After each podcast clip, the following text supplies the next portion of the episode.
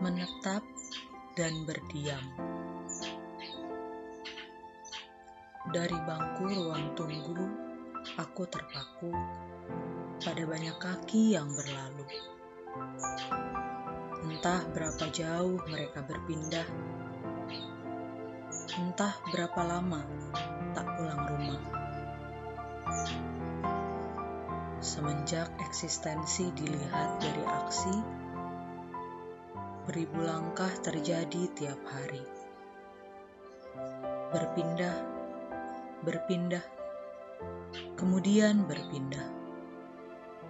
Karena itulah yang lumrah. Sekarang aku melihat diriku.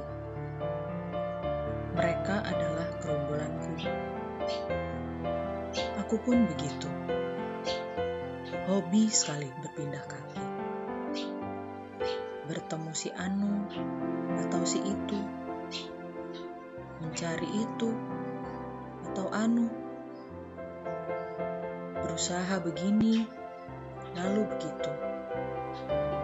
Melakukan yang satu, kemudian yang satu. Hingga aku takut menetap.